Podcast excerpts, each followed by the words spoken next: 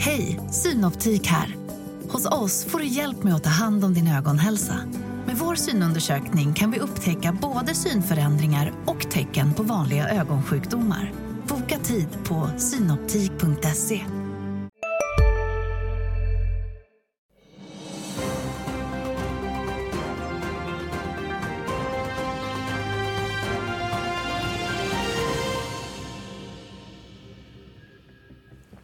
Hörni, det är fredag. Vi summerar en härlig sensommarvecka, brittsommar. Däremot har det varit lite mindre härligt på börsen neråt på Wall Street igår, neråt i Asien under natten. Det är den 8 september. Du tittar på Börsmorgon. Idag blir det Sago-time med Storytel, eller vi ska i alla fall snacka om bolaget och aktien. Vi ska spana in några defensiva placeringar på slutet också och så blir det en hel del räntor och frågor om hur räntor påverkar börs, hedgefonder, private equity och andra tillgångar. Detta tillsammans med Gustav Linell, han är med oss efter klockan nio. Allra först säger vi välkomna till Fredrik Varg, SEB och det är Agneta Jönsson. Det kom ett budpliktsbud på Duni, Fredrik. Är det något vi ska bry oss om? Nej, jag tycker inte det. Vi kan hoppa över den. Det var ju egentligen i linje med börskurs så att säga. Så att, eh, och det var ju enligt förväntan så de har ju gått över budpliktsnivån. Vi har pratat om det tidigare så att man ska inte dra för stora växlar på de här. Vi har sett ibland att aktien hoppar upp kortsiktigt på det så handla inte på dem just nu. Nej, handla inte på dem. Ska man handla på svensk BNP och konsumtion? Då? Vi fick lite makrodata nu på morgonen. BNP, båda är ju uppåt och båda ser hyggligt starka ut, Agneta. Jo, som de sa här, att konsumtion, bra konsumtion och bra BNP är bra för kronan också. Eh, så att det är ju också lite goda nyheter då. Sen var ju det här eh, sommarmånader och sådant med turism och semestrar och sånt som kan ha påverkat en del. Vill du flika in något där? Annars så har det jag... är bara en sak om kronan. Jag tror det är bara börs, börs, börs. Det handlar om just nu. Inte så mycket om BNP, ursäkta. Men, eh, om börsen går bra går kronan bra? Precis, alltså. precis. Och eh, jag tror vi kommer att ha ett otroligt tryck, positivt tryck i kronan när väl börsen vänder. Men vi är inte där ännu. Men när vi väl kommer så, så småningom, det hoppas jag. Eh, stod och tittade igår. Vi var nära all time low mot dollarn om jag, om jag förstod ja, det. Var, jag tror till och med var all time low igår. Ja, det var tungt. Vi byter ämne till något trevligare istället. Denna detta ständiga sorgebarn, kronan. Revolution Race eh, snackade vi om och med för inte så länge sedan. Du hade en liten spaning att bjuda på. Ja, precis. Vi hade en stor eh, undersökning här eh, i, för nordiska onlinebolag. Och, de är ju klar, klar nummer ett när det gäller ny statistik då, och ökat besök, besökarantalet med 38% Så är det någon digital aktie man ska köpa just nu så är det utan tvekan Revolution ska säga, baserat på det i alla fall. Eh, men besök leder till försäljning. Eh, trevligt med positiva konsumtionsnyheter någonstans. Ja, det var lite överraskande faktiskt. Däremot så tänkte jag att vi ska ta lite, eh, lite negativt, lite depp och glåm. Globala aktier är ner strax under 5 sen toppen i juli. Hur, vad tänker ni om marknaden mer övergripande? Agneta, du får börja. Eh, dels tror jag en effekt av det här att man eh, mer och mer pratar om det här att det kommer att vara långa räntor en längre tid. Mm. Eh, det är en effekt av det och sen ser man ju ganska tydligt här också att eh, det är inte så många eh, intresse för de här bolagen där vinsterna ligger längre fram i tiden. De har fått sig en känga och backat lite igen här så att det är väldigt olika i olika sektorer också ska jag säga. Ja, nej men alltså, prognoser har ju justerats upp under våren och de kommer man nog, det, jag tror inte man kommer slå prognoserna under Q3 direkt. Eh, och jag tror hela marknaden har en tuff eh, tid framför sig. Och, eh, trots det här så är ju, vi, det är ganska lugnt i marknaden och tittar, man, tittar vi på framförallt den amerikanska börsen så ser vi ju techbolagen har ju dragit och eh, varit oroligt nu de sista dagarna. Vi ser svensk industri har dragit väldigt mycket men, men som sagt var, det är, en, det är en tuff marknad för börsen just nu. Jag är faktiskt själv överraskad att det är så pass starkt som det är. För det är inte någon negativ bias i marknaden, det är det definitivt inte. Det är ett stort lugn.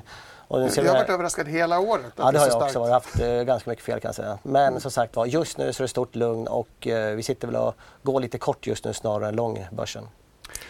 Vi ser ju det också, VIX-index i USA är ju ner på 14, det är en väldigt låg nivå.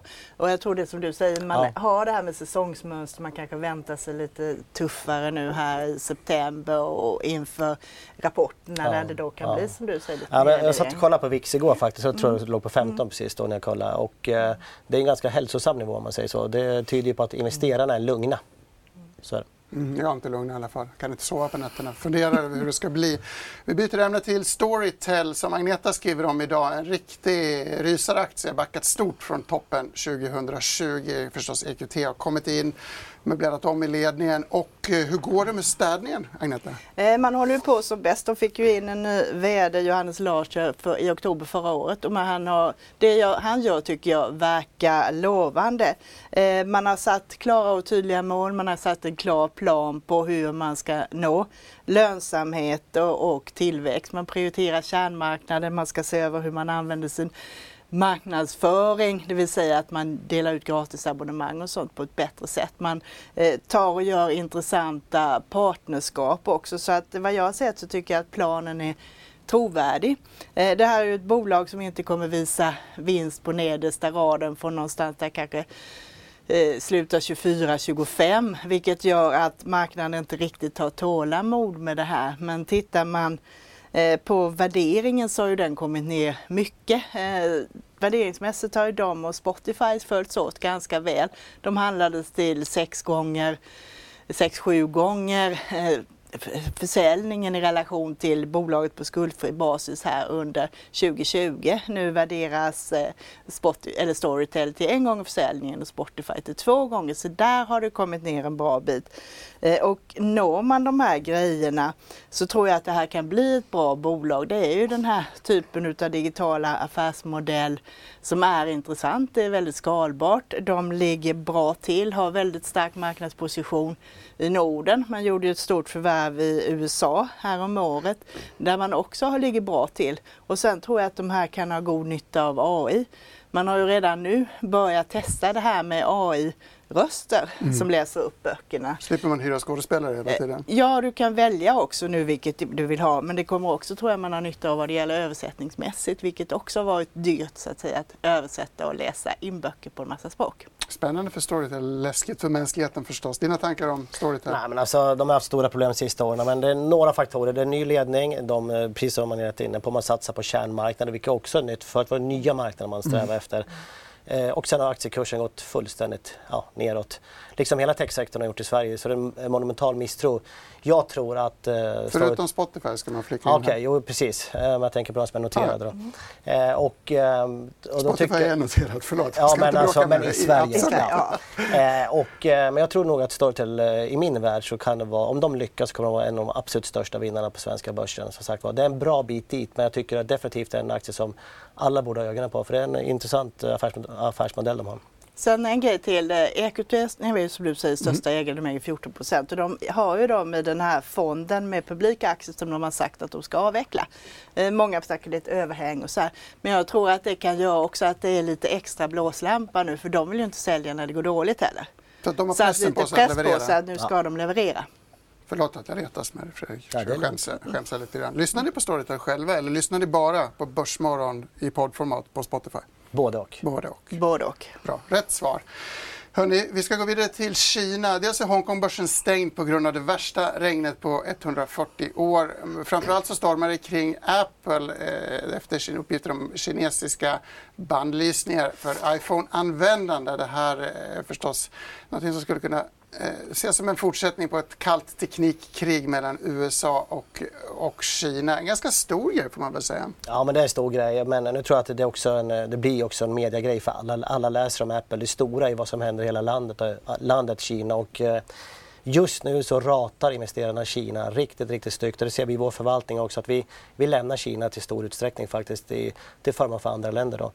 Indien till exempel eller vad det nu må vara. Så, att, um, så att jag tror Kina har problem men för Apple kommer det här vara ganska tufft då. och det kommer bli negativ buzz. Ja visst kommer det vara det och det verkar blåsa upp mer eh, den här typen av techproblem. Jag har Financial Times eh, noterade att Huawei kommer med en ny telefon som verkar vara väldigt bra nu. Och det reagerar amerikanarna på för att eh, då undrar de hur det här hänger ihop med det här embargo mot sådana här chip och grejer. Liksom. Så att det här känns som att det kanske håller på att blåsa upp det mer techkrig igen. Ja, men det ska vi nog förvänta oss. Att det, det har ju varit ganska tyst på den fronten men det kommer säkert hända saker igen här. Och vi får inte glömma Kina har det tufft nu. Det är privatkonsumtionen, det är oro med grannländer och eh, fastighetsbubblan där som är riktigt, riktigt illa. Om man är ledsen så blir man ju lätt väldigt arg. Jag tycker det låter som en repris på lite TikTok, Huawei som nämnde. Vi har sett olika exempel, ja. halvledare förstås. Ska man investera i tillväxtmarknader och i Kina? Det låter ju samtidigt som att det är väldigt nedtryckt. Alltså jag tycker nog att man ska ha en eh, undervikt i tillväxtmarknaden just nu. Eh, USA går klart bäst. Dragloket i tillväxtmarknaden skulle ju vara Kina men nu kommer de inte riktigt vara det.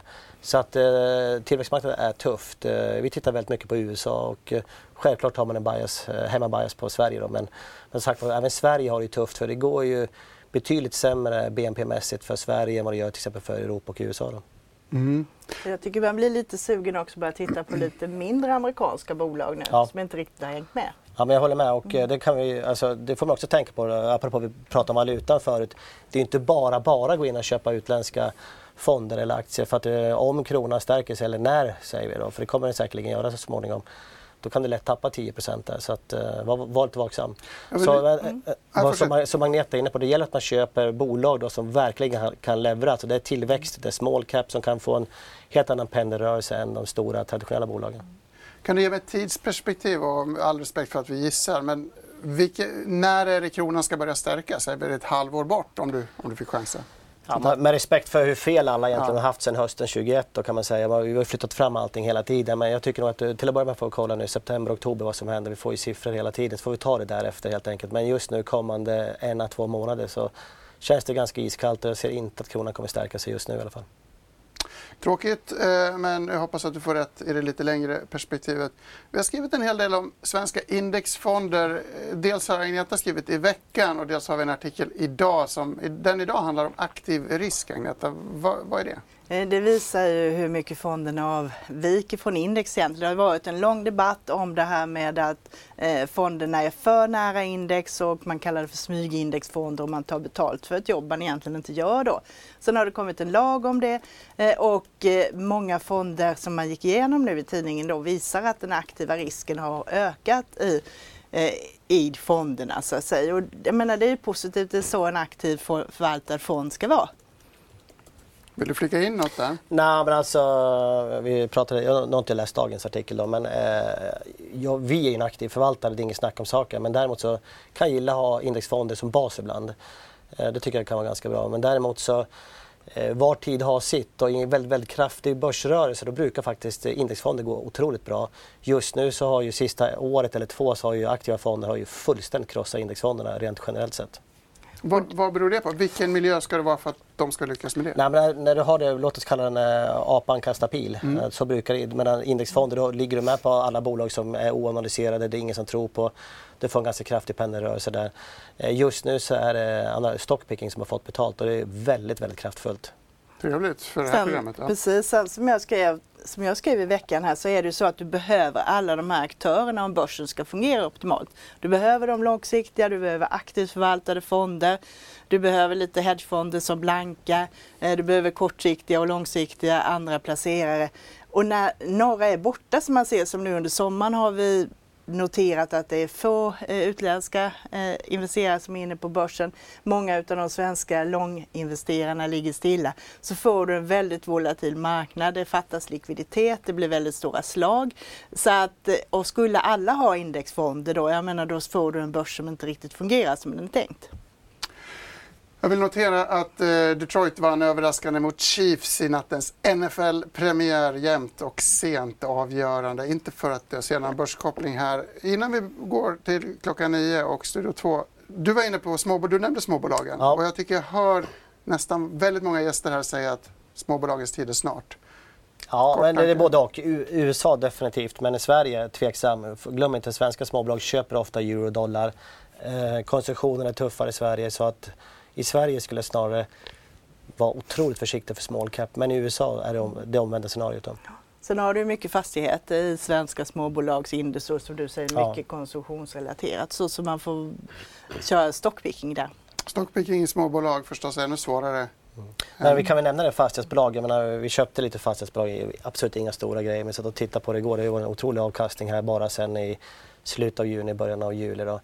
Men som sagt var, fastigheter kommer ha en tuff tid framför sig. Vi får inte glömma att eh, ja, räntor och sånt kommer ligga kvar på en hög period, en längre period. Och det innebär att fastigheter kommer få det tufft med kassaflöden och få betala oerhört mycket i obligationsmarknaden. Men desto mer spännande när man prickar rätt då i den här Väldigt, väldigt spännande. Men var otroligt selektiv där. Kanske lite tidigt ännu, vad vet jag. Men som sagt var, jag tror ändå att de kommer komma någon gång här under hösten förhoppningsvis. Då.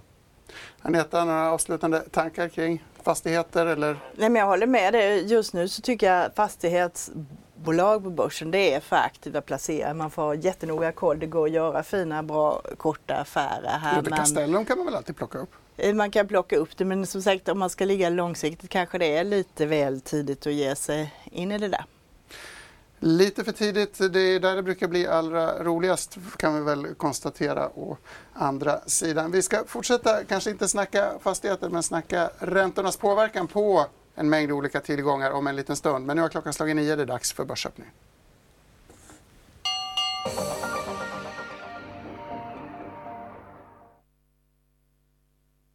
Ja, jag tänker vi börjar och kolla på storbolagsindex så ser vi att Evolution och Alfa Laval ligger i topp toppen medan vi i botten har Boliden. Och vi har ju lite nyheter att gå igenom idag. Jag tänker vi börjar med Lundin Gold som backar nästan 1% på morgonen. De kom ju med ut, nyheten att de utökar prospekteringsprogrammet vid Frute la Norte i Ecuador. Men aktien backar nästan 1%. OX2 däremot, de säljer vindkraftsprojekt i Polen för 680 miljoner kronor och aktien den stiger nästan 3% precis vid börsöppning.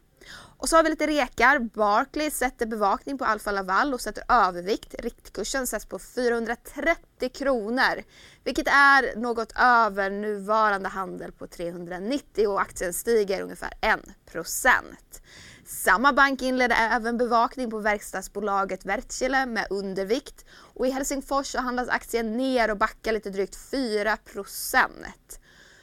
Investmentbolaget Mellby Gård lägger budpliktsbud på Duni på 96,80 kronor per aktie och den är upp 1 nu precis vid börsöppning.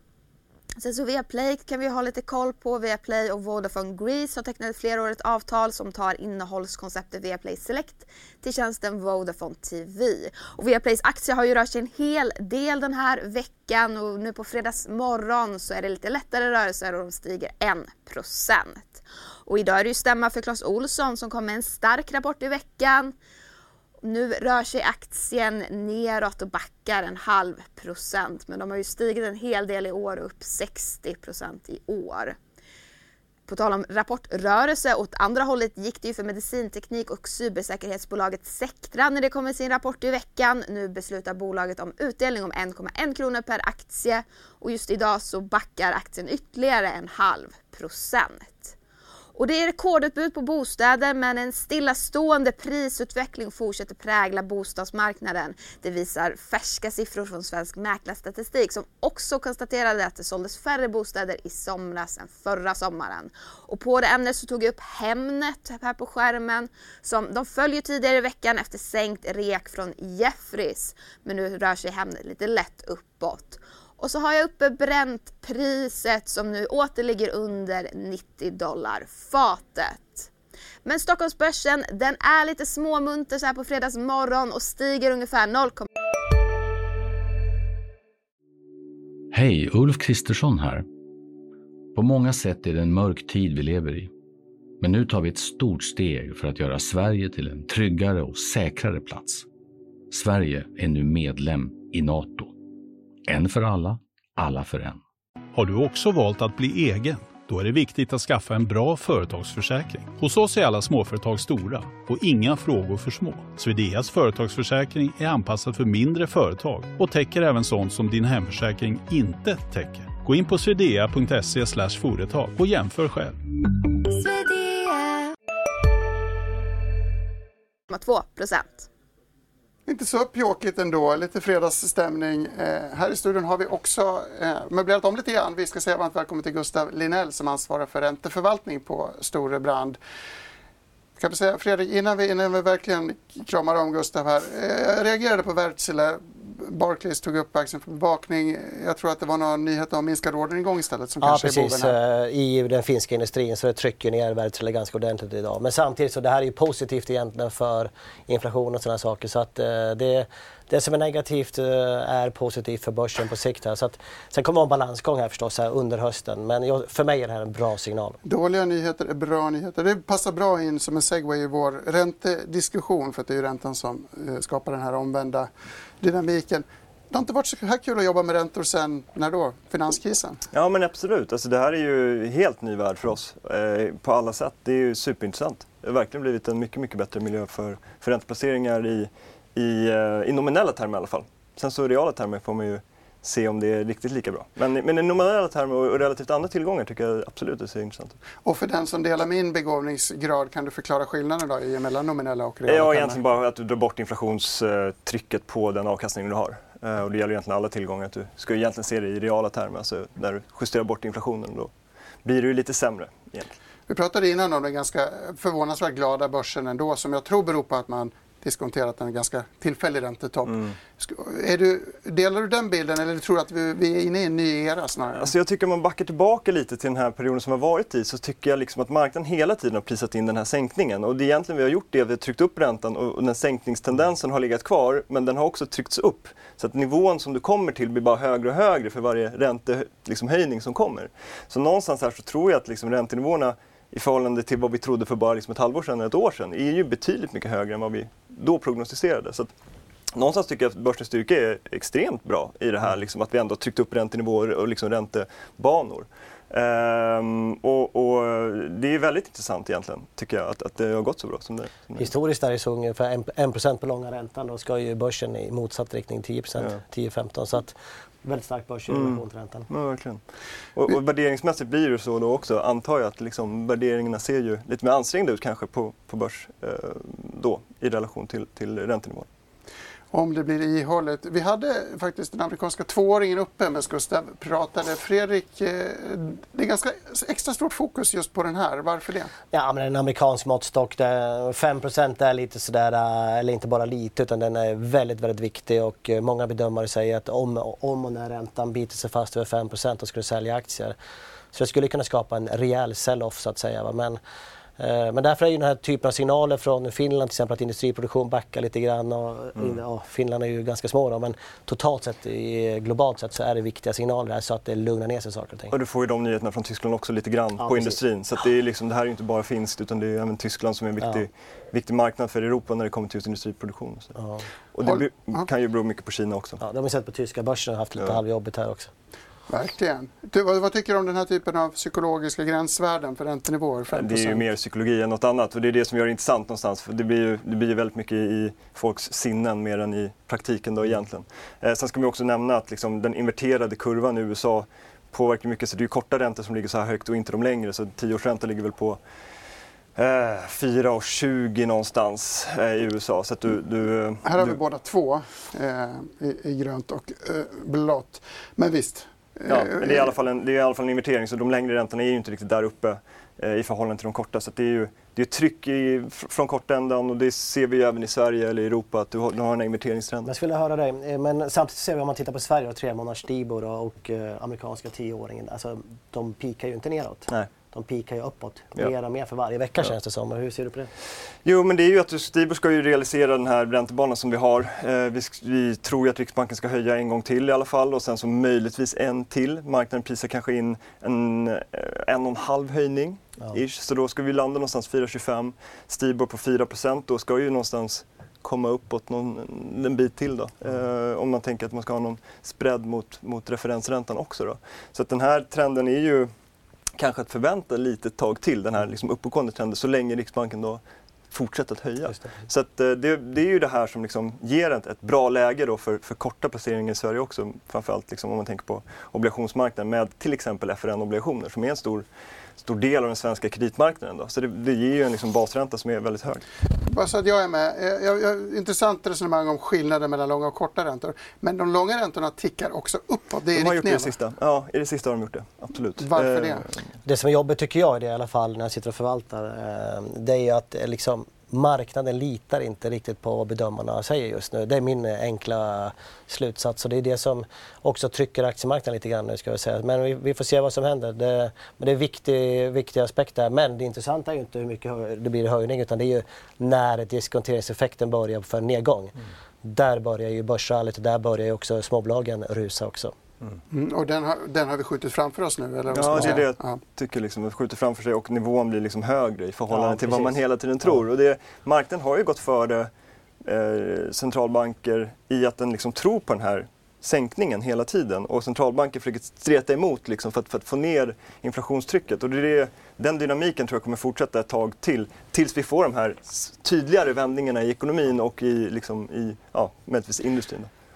Ska jag tolka det som att vi ska, det, det är väldigt attraktivt att ligga i olika typer av eh, ränte och obligationsstrategier? Ja, ja men jag skulle ändå säga det. I förhållande till hur det har sett ut tidigare så är det det. Eh, och eh, det kan till och med vara så att det börjar bli intressant att liksom binda lite ränta ändå. Alltså att, eh, att gå lite för, för att du menar på tillgångssidan? Ja, precis. Ja. Eh, inte på precis. Motsvarande för, för svenska hushåll. Då. Man, man pratar mycket om eh, direktavkastningen på börsen visavi vad du får på räntesidan. Jag tror vi har en graf som eh, tangerar det här lite grann. Men kan du resonera kring attraktionskraften? Ja, men det här visar ju lite på det vi pratar om, att det har inte varit så intressant att titta på, på räntor sedan finanskrisen. Och det, det, vi tittar på här är ju liksom två grafer, en på direktavkastning på ett eh, globalt index eh, och sen så har du den svarta linjen då som är ett liksom aggregerat bondindex där du får en, en räntenivå då på om du liksom slår ut alla de ränteplaceringar som är i det här indexet.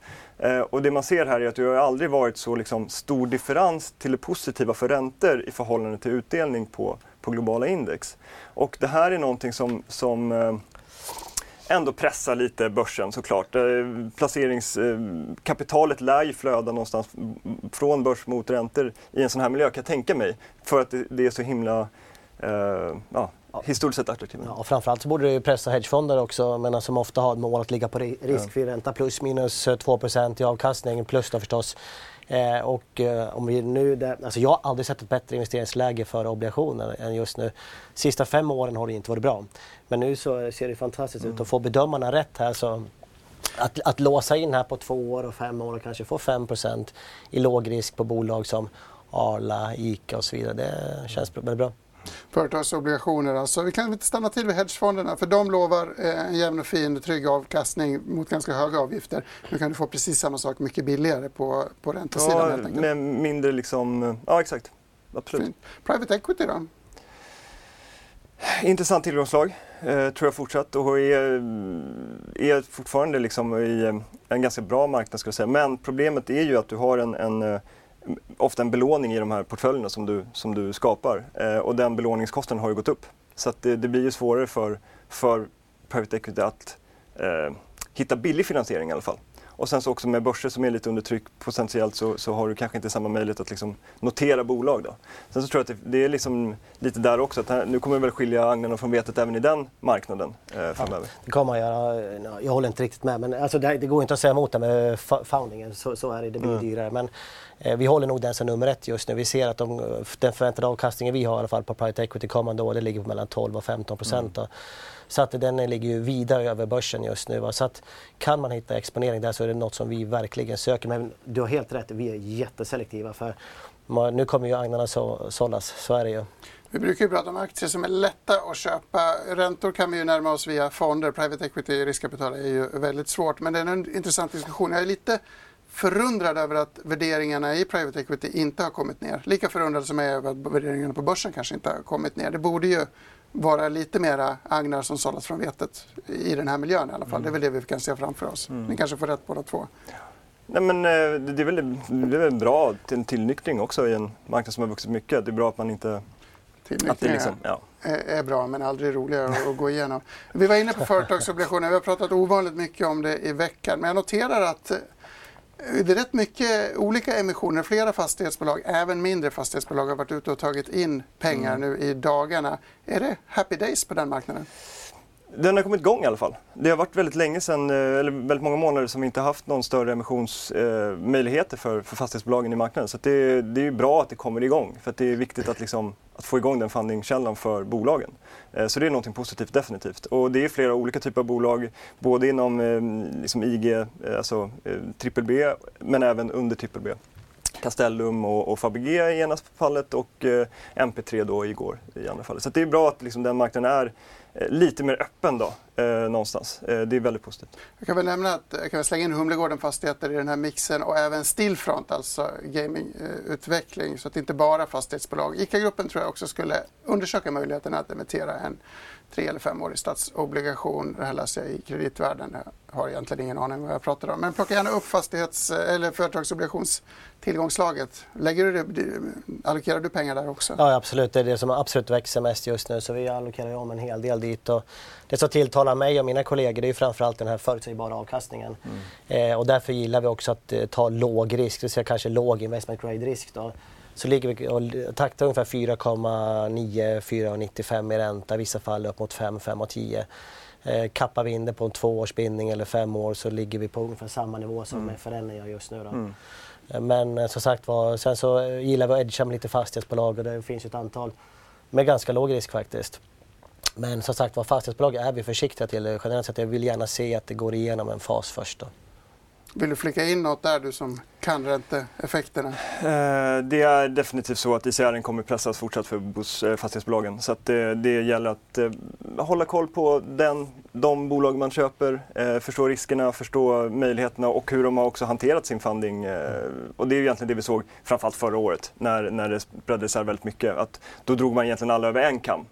Och sen så nu har man ju sållat lite mellan de olika bolagen och du har fått en mer differentiering mellan prissättningen då, som är bättre tycker jag än vad den var förra året. Så det är inte lika uppenbart eh, felprissatt som jag tyckte det var delvis under, under, förra året där till exempel Humlegården spredde sig väldigt mycket eh, medan den nu då emitterar på, på betydligt mycket lägre nivåer än vad, vad vi handlade då förra året. Så det finns ju, har funnits väldigt mycket möjligheter i den här marknaden även under förra året för våran del som varit väldigt aktiva i, i att handla det här. Eh, så det, det, är en, fortfarande en, en intressant marknad men eh, man får vara försiktig, man får hålla koll på vilka bolag man investerar i. Nu har vi pratat om räntor i sig själv, vi har pratat om räntors påverkan på börs, private equity, hedgefonder och företagsobligationsfonder. Är det någon spridningseffekt i det här nya ränteläget som jag har missat eller som vi ska tänka på ytterligare? På den allmänna ekonomin såklart. Det är ju det man vill åt någonstans. Eh, minska efterfrågan, minska eh, aktiviteten i samhället generellt. Så det är ju, kommer klart, såklart, ska det ju påverka BNP någonstans. Det är det man vill åt, minskad, eh, minskad efterfrågan. Eh, och det har vi inte diskuterat så jättemycket. Vi har mer diskuterat tillgångslagen.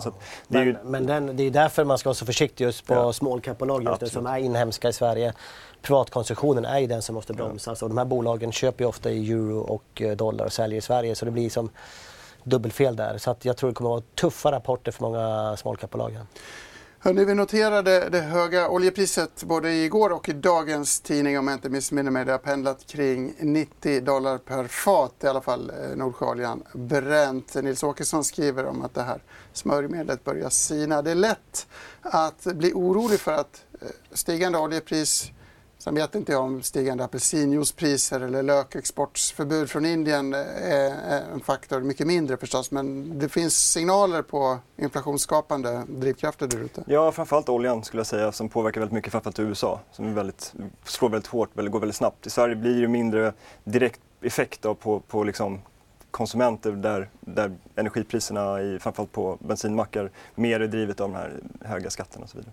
Men, eh, men i USA definitivt, så där får man den här lilla impulsen då igen nu. Och oljelagren i USA är ju väldigt låga. De har ju dränerat sina, sina reservlager och med OPEC nu som då trycker på från andra sidan igen så har ju varit, många varit optimistiska på just oljepriset ska komma upp. Så att, um... Det verkar ju som att OPEC plus med Ryssland, Saudi-Ryssland vill jävlas lite grann med USA som har ett tomt det... oljelager och inte kan köpa fylla på det på 90 dollars nivån. Men det kan ju vara så. Och, men det här är ju väldigt alarmerande egentligen för inflation och så vidare. Och det ser vi ju till exempel Spanien och Frankrike här nu. Det är ju det är energipriserna som driver på deras inflation. Så att vi får hoppas att det här lugnar ner sig. Det får vi hoppas. Jag vill notera ett strejkhot ifrån Chevron efter strandade förhandlingar med facket. Jag vet inte, det här kanske inte påverkar oljepriset men det kanske säger någonting om löneinflation, någon tanke där? Nej, egentligen så skulle jag säga att det framför allt påverkar gaspriserna, gaspriserna. i Europa också. För vi har liksom skapat en marknad nu som är väldigt ehm, eh, skör i, mm. i, i gas. Så att det här kan få effekt på gaspriser i Europa också faktiskt. Jag tror att den här eh, delen av världen står inför en ganska stor del av just LNG-marknaden och den, den marknaden är vi ganska beroende av nu i Europa också. Vill du flika in något där? Annars jag känner jag, ja, det var fullständigt. Ja. Men det här låter ju inget kul. Det låter som att det blir mer inflation och så blir det räntor på hög nivå längre tid. Men det är det här som, eh, du får inte glömma som man sa i det Jackson Hole-talet att innan man sänker räntan så vill man verkligen känna sig trygg i att vi, att vi har gått ner, att vi stannar på lite lägre nivåer. Så att det är stora frågetecken där ute. Nu är amerikanerna alltid militanta i sina räntestrategier. Det är så man pressar eh, allmänheten, men, men ändå. Jag har blivit lite mörkräddare av det här samtalet. Vill du flika in något där? Nej, men alltså jag tror också att det är, det är lite nyhetstorka. Eh, man plockar upp sådana här nyheter ganska mycket eh, så det, finns, det finns någon aspekt av det också. Men just oljepriset på, på 90 och liksom, eh, det, är nog, det ska man nog vara, ha i åtanke. Hörrni, nu går vi till Studio 2. Sen ska vi avsluta programmet med lite case-spaning. Jag har en ränteinvesteringsstrategi som jag vill testa som Gustav ska få skratta åt och sen ska vi pressa vargen på lite aktietips också. Men först eh, Sofie, varsågod, Studio 2 är det är lite avvaktande här. Vi närmar oss nollan men det är strax, strax, strax över än så länge. Om vi tittar storbolagsindex så ser vi att Evolution är i toppen och stiger över 1%. Även Autoliv rör sig där uppe och Alfa Laval. Och Alfa Laval stiger närmare 1% efter att Barclays sätter bevakning och då sätter övervikt. Och riktkursen satte de på 430 kronor vilket är över nuvarande 390. I botten av storbolagsindex däremot, där hittar vi Sandvik och Ericsson bland annat. Men jag tänker att vi går vidare bland rekarna.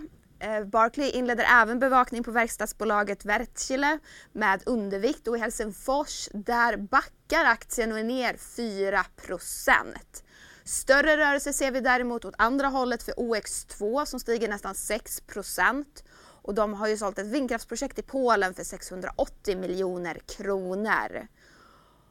Och så tänker jag vi går vidare och ser ännu större rörelse hos det väldigt, väldigt lilla medicinteknikbolaget Integrum som utvecklar system för skelettförankrade proteser som har beviljats ersättning i USA för en protes. Och den aktien var upp tvåsiffrigt, nu är den upp 9% ungefär. Och så har vi pratat en hel del om oljan. Just nu så ligger den ju som sagt un precis under 90 dollar fatet. Men som sagt, Stockholmsbörsen är väldigt avvaktande denna fredagsmorgon och rör sig där precis kring nollan. Precis kring nollan, men strax över i alla fall. Vi får glädjas åt den, eh, de ljuspunkter som finns.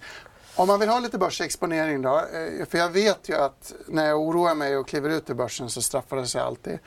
Kan du ge mig lite kan du ge mig en defensiv tröstkram som jag kan sova gott med? Absolut, vi börjar med en offensiv då. Ja. Eh, vi pratade om USA förut och där kan man köpa T. Rowe Price, en, eh, en, en value-fond, tillväxtfond som har gått otroligt bra. Alltså, så titta på den, eh, T. Rowe Price tillväxtfond. Alltså jag ska inte köpa T. Rowe Price-aktien, jag tror nej, att de är noterade. Nej, fonden. Fonden. fonden. fonden gör det privat. Ja. Eh, sen så Vilken då? De har ju massa fonder. Värdefond? Ja, vi får ta det efteråt. Ja. Nej, nej, value tillväxtfonder. Value tillväxt. Gått upp med ungefär 50 procent i år. Skriv upp. Eh, men sen så defensivt, eh, Sverige. Nej, men det, det, är bekym det är bekymmersamt i Sverige just nu och, eh, och Norden överlag ska jag säga. Så att vi går väl mot en defensiv tilt. Vi drar ju ner vikten i aktier faktiskt till en neutral. Det är ingen dramatik i det hela. Men, men vi ser att det blir problem just nu och det är ju privatkonsumtion, vi har pratat om det. Vi har pratat om räntor. Så att det som vi tiltar mot just nu det är ju mycket det är Novo Nordisk som har gått fantastiskt bra förstås. Men det är bara att köpa ännu mer. Vi har Astra som inte har gått riktigt lika bra men som en av, anses ha en av världens bästa forskningsportföljer. Så köp ännu mer och har du inte köpt dem Sen men, vi, ja. ja. och sen har vi SCT, men Novo Nordisk är ju det jag tänker mest på eh, på nättkvällar och helger. Eh, jag vet att de, det känns läskigt att kliva på Novo Nordisk veckan efter att den hoppat upp 20% på en dag. Ja. Eller två veckor efter. Ja. Det känns lite som att köpa Nvidia. Jag vet att den kommer vända ner när jag trycker på köpknappen. Absolut. Ja, men jag, jag förstår det. Va? Och eh, visst, men det får vi köpa i tre, fyra olika omgångar. Då. Det kan ju vara en variant. Va? Men eh, de fortsätter att leverera. De, har ju, de är världsledande på det de håller på med. Så att, och just det med vikt och diabetes och allting, det är ju någonting som hela Vikten är en av och socker är en av de största mm. folksjukdomarna med diabetes. De är nummer ett, två, tre i världen. Och sen har ju preparaten börjat användas mot viktminskning eller för viktminskning vilket i sig, sin tur förebygger diabetes. Så att, så att de, de är överallt här nu. Så att det har ju dessutom blivit ett av världens mest kända varumärken nu. När alla kändisar knaprar de här pillerna. Så, att, så vi får se vad som händer. Men jag tycker absolut man ska ha Novo i en portfölj. Spar, den spar finalen. Gustav, jag kan inte fråga dig om defensiva aktier för du är ju A. Ränteinriktad, B. Defensivt i hela din natur eftersom du jobbar med på räntesidan. Men jag har en strategi. Jag har tänkt på en grej. Och det är att jag ska köpa långa obligationer, amerikanska tioåringar, eftersom någon gång så vänder ju räntorna ner och då borde de öka i värde. Vad tror du om det? Tror man att räntan ska ner så definitivt. Då är det egentligen bara att gå så långt ut man bara kan för då får den här effekten av att priset går upp på obligationerna när räntan går ner. Österrikisk har... 100-åring då? Eller ja, men i princip. Mm. Då, det får ju liksom den effekten, blir mycket, mycket mer eh, är mycket större då, ju längre ut på kurvan du går. Eh, tror man inte det däremot, tror man att räntan ska ligga kvar eller att den eh, ska liksom ticka upp vidare, då kan det vara bättre att gå lite längre in på kurvan. Kanske att man binder lite grann, alltså två år till fem år som vi diskuterade mm. tidigare. Eftersom man får bättre betalt Du får ju bättre betalt redan nu, så du ligger och har en högre då, carry, rullande avkastning. Eh, samtidigt då som om du inte riktigt tror att räntan ska gå ner. Plus det här med att eh, var någonstans på kurvan kommer räntan gå ner först? Det ska man också ha en, mm. en, i beakt. Så det som vi ser nu är väldigt inverterade kurvor där de korta räntorna är högre än de, än de långa. Om det här ska vända då kanske det är de korta räntorna som rör sig ner före ah. de långa och så ligger de långa kvar så du får den här inverteringen försvinner. Ofta brukar det vara eh, så att de korta räntorna går ner först, de långa ligger kvar eller till och med att de långa räntorna går upp för att då motverka den här inverteringen. Jätteintressant. Men jag har en fråga till dig nu. Hedgar du valutan eller hur gör du då? då? för, för du tror på kronförstärkningar?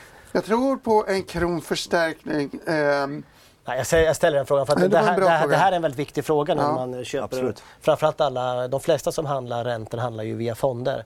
Eh, och köper man en eurofond eller dollarfond att man verkligen tänker på det med, med valutaeffekten så att man inte bara tittar på, på den vanliga avkastningen i själva obligationen för den kan ju lätt ätas upp genom att man går fel på valutan. Då. Jag tror ju på en stark krona men jag kan inte säga att jag tror på det med stark övertygelse eftersom jag har nordiska aktier i portföljen så skulle jag kunna leva med lite dollarexponering på räntesidan. Okay, ja. Det brukar ju ändå gå precis tvärtom ja. som jag räknar med. Ja. Ska vi runda av med lite Essity? Ja, men alltså det, Essity de kvalar in som ett, eh, ett av de tråkiga bolagen ska jag säga. Kommer fortsätta leverera, ha en bra produktpipe och så vidare. Så att jag, jag tycker helt enkelt, men det, det är en väldigt tråkig graf där. Alltså, jag får är själv, spännande. Jag får ju själv magsår när jag tittar på det. Nej men alltså Essity, de, de, det är ett bolag som fortsätter leverera. Men fokuset som de har haft på svenska börsen och globala börser, dels har det ju varit AI och sen har det varit traditionell verkstadsindustri. Essity är ett hygienbolag idag men kommer in lite grann under, under skogsblocket i alla fall va? och har straffats för det. Så jag tror absolut att man ska fiska upp den aktien. Och, som den här grafen, du kan även ta en längre graf på den här, så, så ser den jätteintressant ut. Så att, eh, utifrån ett bottenfiskarläge, men då ska man ju tro att den vänder också. Det tror jag definitivt att den kommer göra. Mm. Har du någon kronsyn förresten innan vi släpper dig Gustav? Långsiktig optimist. Långsiktig optimist, det var du inte beredd på. Eh, Gustav Linell, chef för Svenska räntor på Storebrand. Fredrik Varg, förstås kär återkommande gäst ifrån SEB, Agneta Jönsson tidigare. Och jag, Gabriel Mellqvist, som ska ta helg. Men eh, missa inte Börskoll klockan 14 och så ses vi här igen i nästa vecka 8.45 på måndag som vanligt. Gott slut på veckan. Lycka till där ute. Hoppas det är varmt nog för att kunna ta ett litet kvällstopp senare. Tjingeling!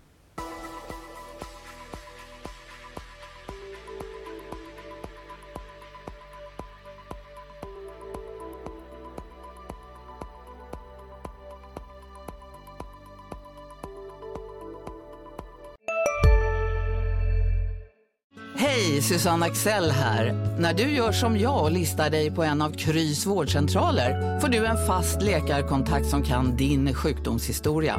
Du får träffa erfarna specialister, tillgång till lättakuten och så kan du chatta med vårdpersonalen.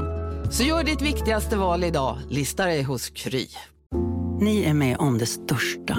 Och det största är den minsta. Ni minns de första ögonblicken. Och den där blicken gör er starkare. Så starka att ni är ömtåliga. Men hittar trygghet i Sveriges populäraste barnförsäkring. Trygg Hansa. Trygghet för livet.